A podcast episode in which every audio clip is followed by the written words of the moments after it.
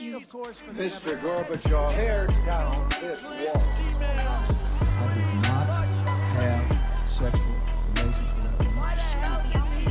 Read my lips. Hell yes, we're gonna take your AR-15. This way. I have a dream. Thank you. All right, so we're here today with a special guest, uh, Robert Mikkelsen.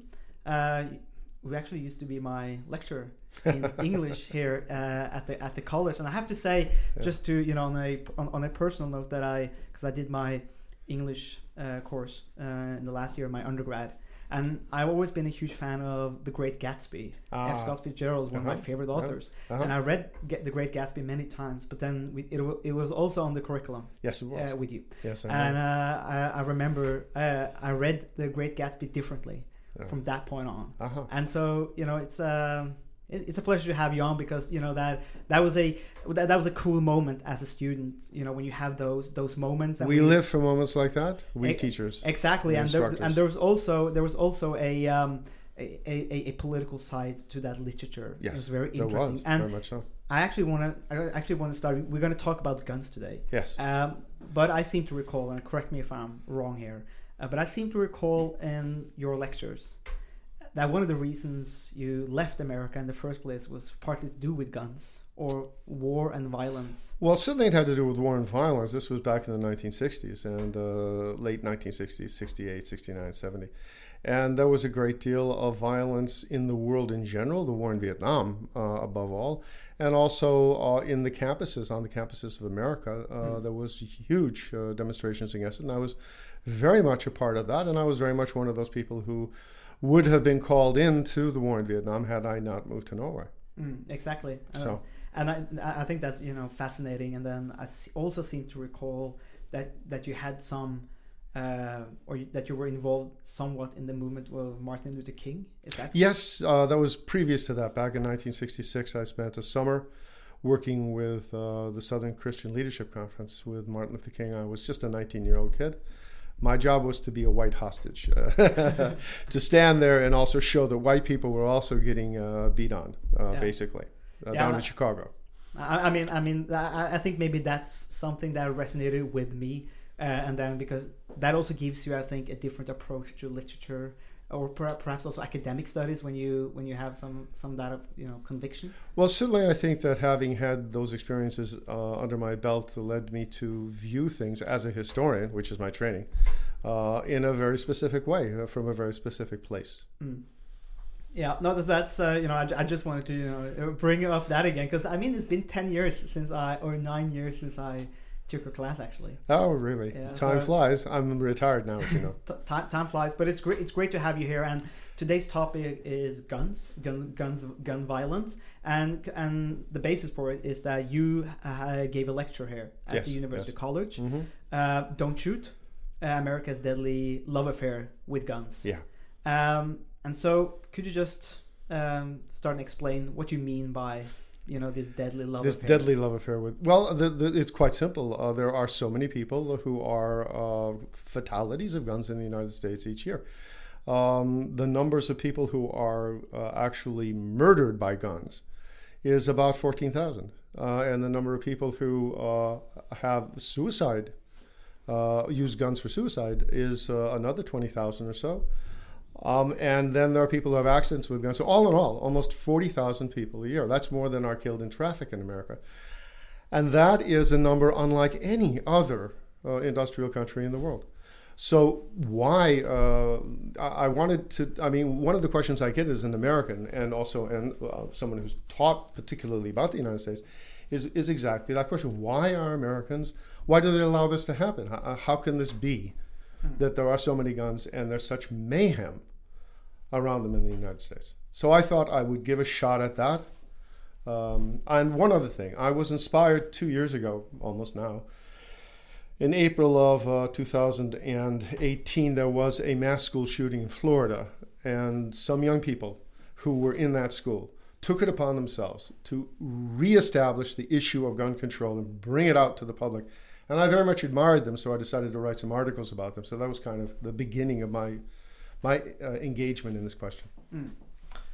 One thing I noticed um, from your presentation now, from your answer, uh, was that you compared uh, the uh, the fatalities uh, related to um, to guns uh, with the number um, casualties in traffic. Is Yes. there some kind of um, do Americans some Americans think of uh, guns as as essential as cars and traffic in Oh. a sense? So it's sort of they think of it as, as part of life in in a sense. Yes, absolutely. There are people, particularly out in the countryside, who would think about a gun the same way you'd think about having a rake or perhaps a automatic blower for your leaves or any other implement that you require in your daily life. But these are people who uh, live uh, in the wide open spaces of America. Um, many Norwegians and others, when they think of America, they think of Manhattan, but they really should think more of the Russian steppes. It's a wild, open area, and a lot of people who live out in those areas in the United States have had use for weapons ever since those places were first established back in the 1800s. And that tradition is very much part of it. So for them, uh, a gun is as normal as skiing for a Norwegian.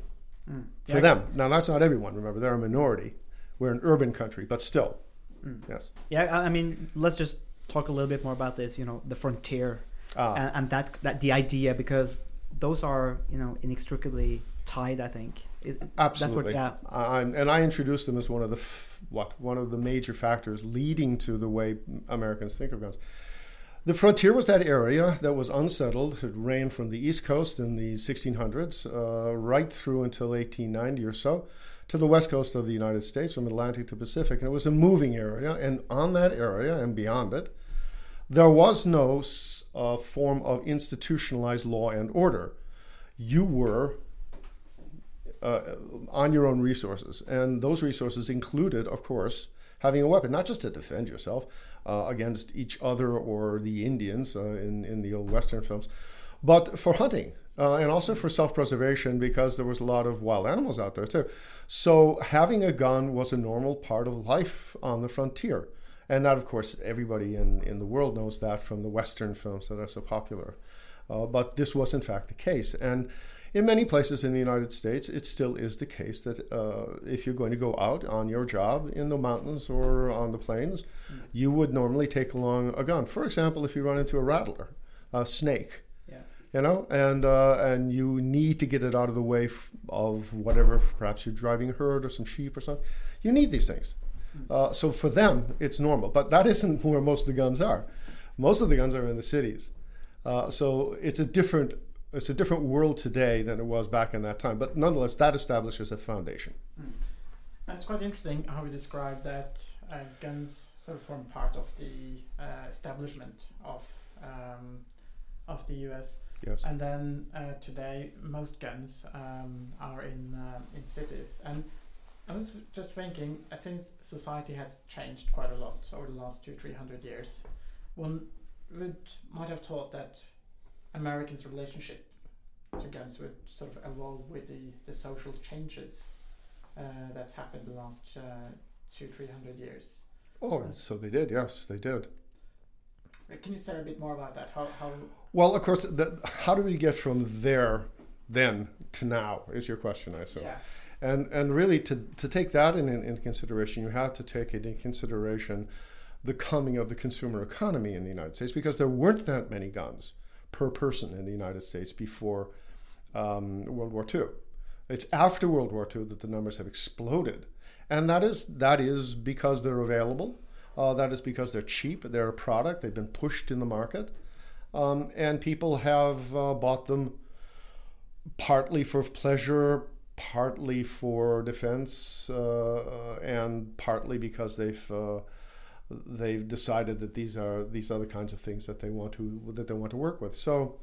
Um, the number of guns went up to today's 350 million estimated round, uh, really between about 1950 and the present day. Uh, and it, they're still accelerating, actually. There are more guns than there were 20, 20 years ago today. And they've gone up by about 30%, actually.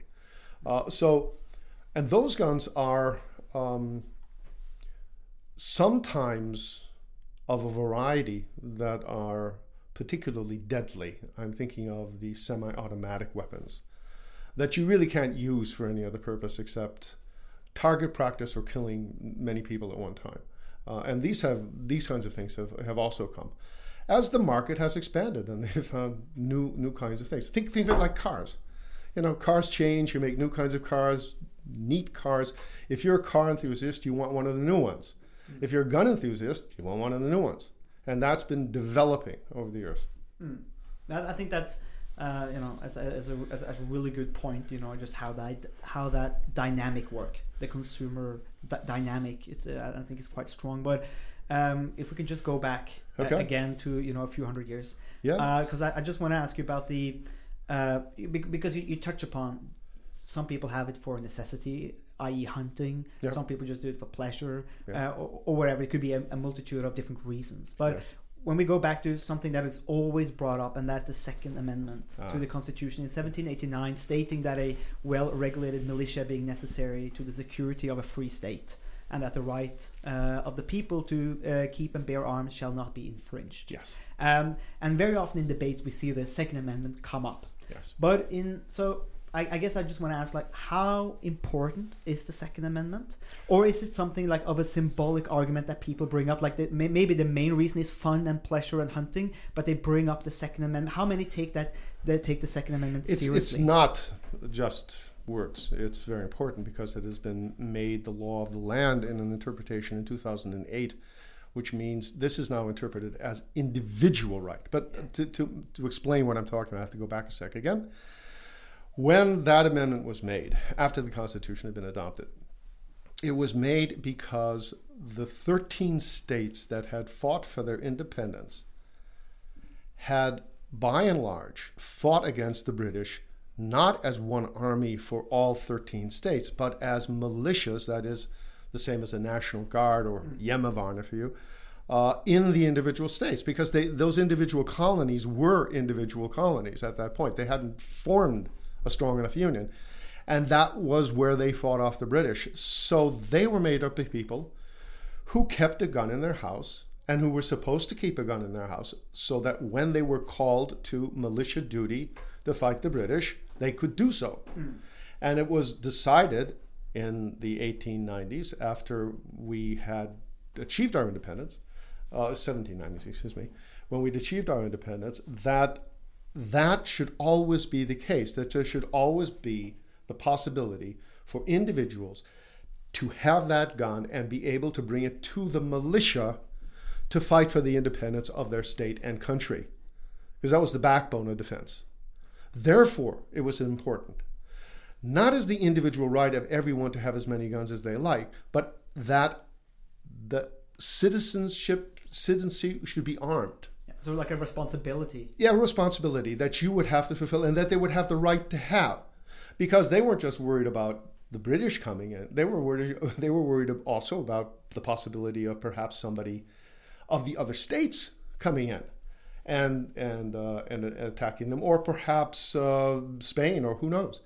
Uh, so th- it was meant as a form of national defense, not a form of individual right.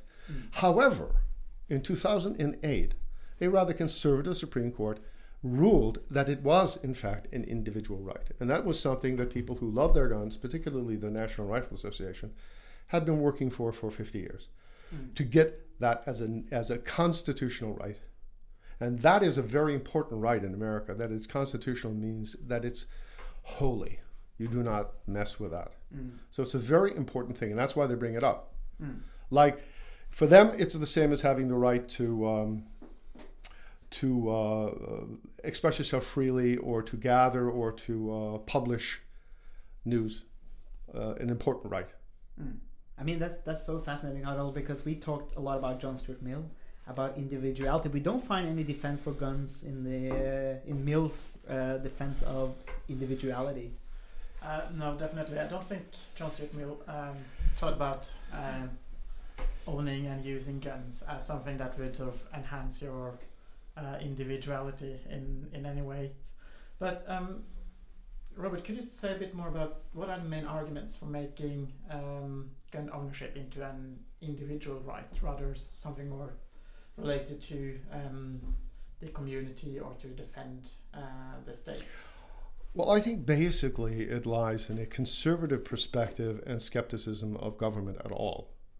A feeling that um, any citizen, any citizenry, excuse me, any citizens of a country who are unarmed are in the end uh, at the mercy of the forces that a state can wield against them through an army. So, at heart, the argument is you need to remain armed to remain free. That is the central thought. The logistic arguments we could go back and forth on. I'm sure they'd find them very boring.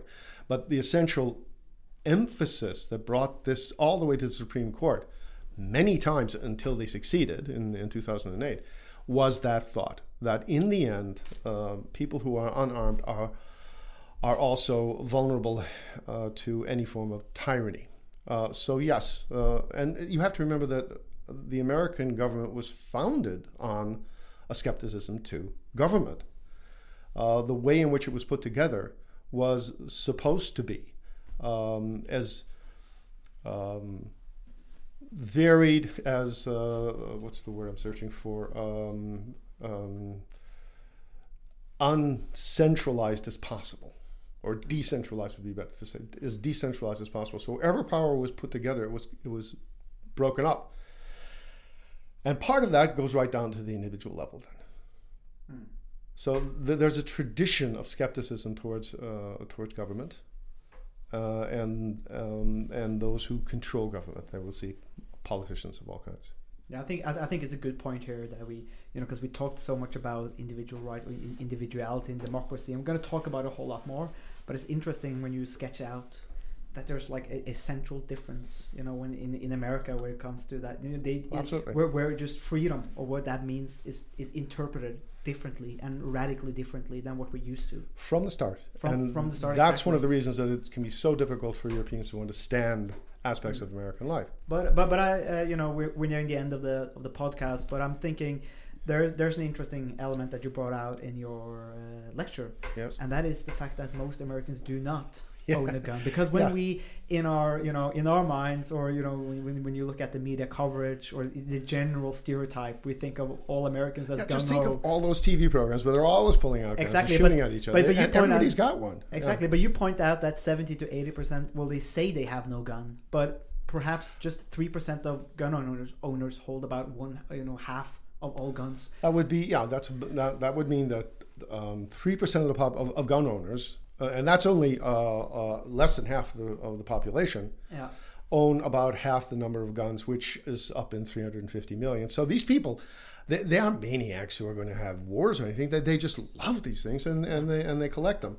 Mm. The ones that are the ones that are dangerous, of course, are the ones that are in the hands of people who are both irresponsible or uh, find themselves in, in criminal circumstances.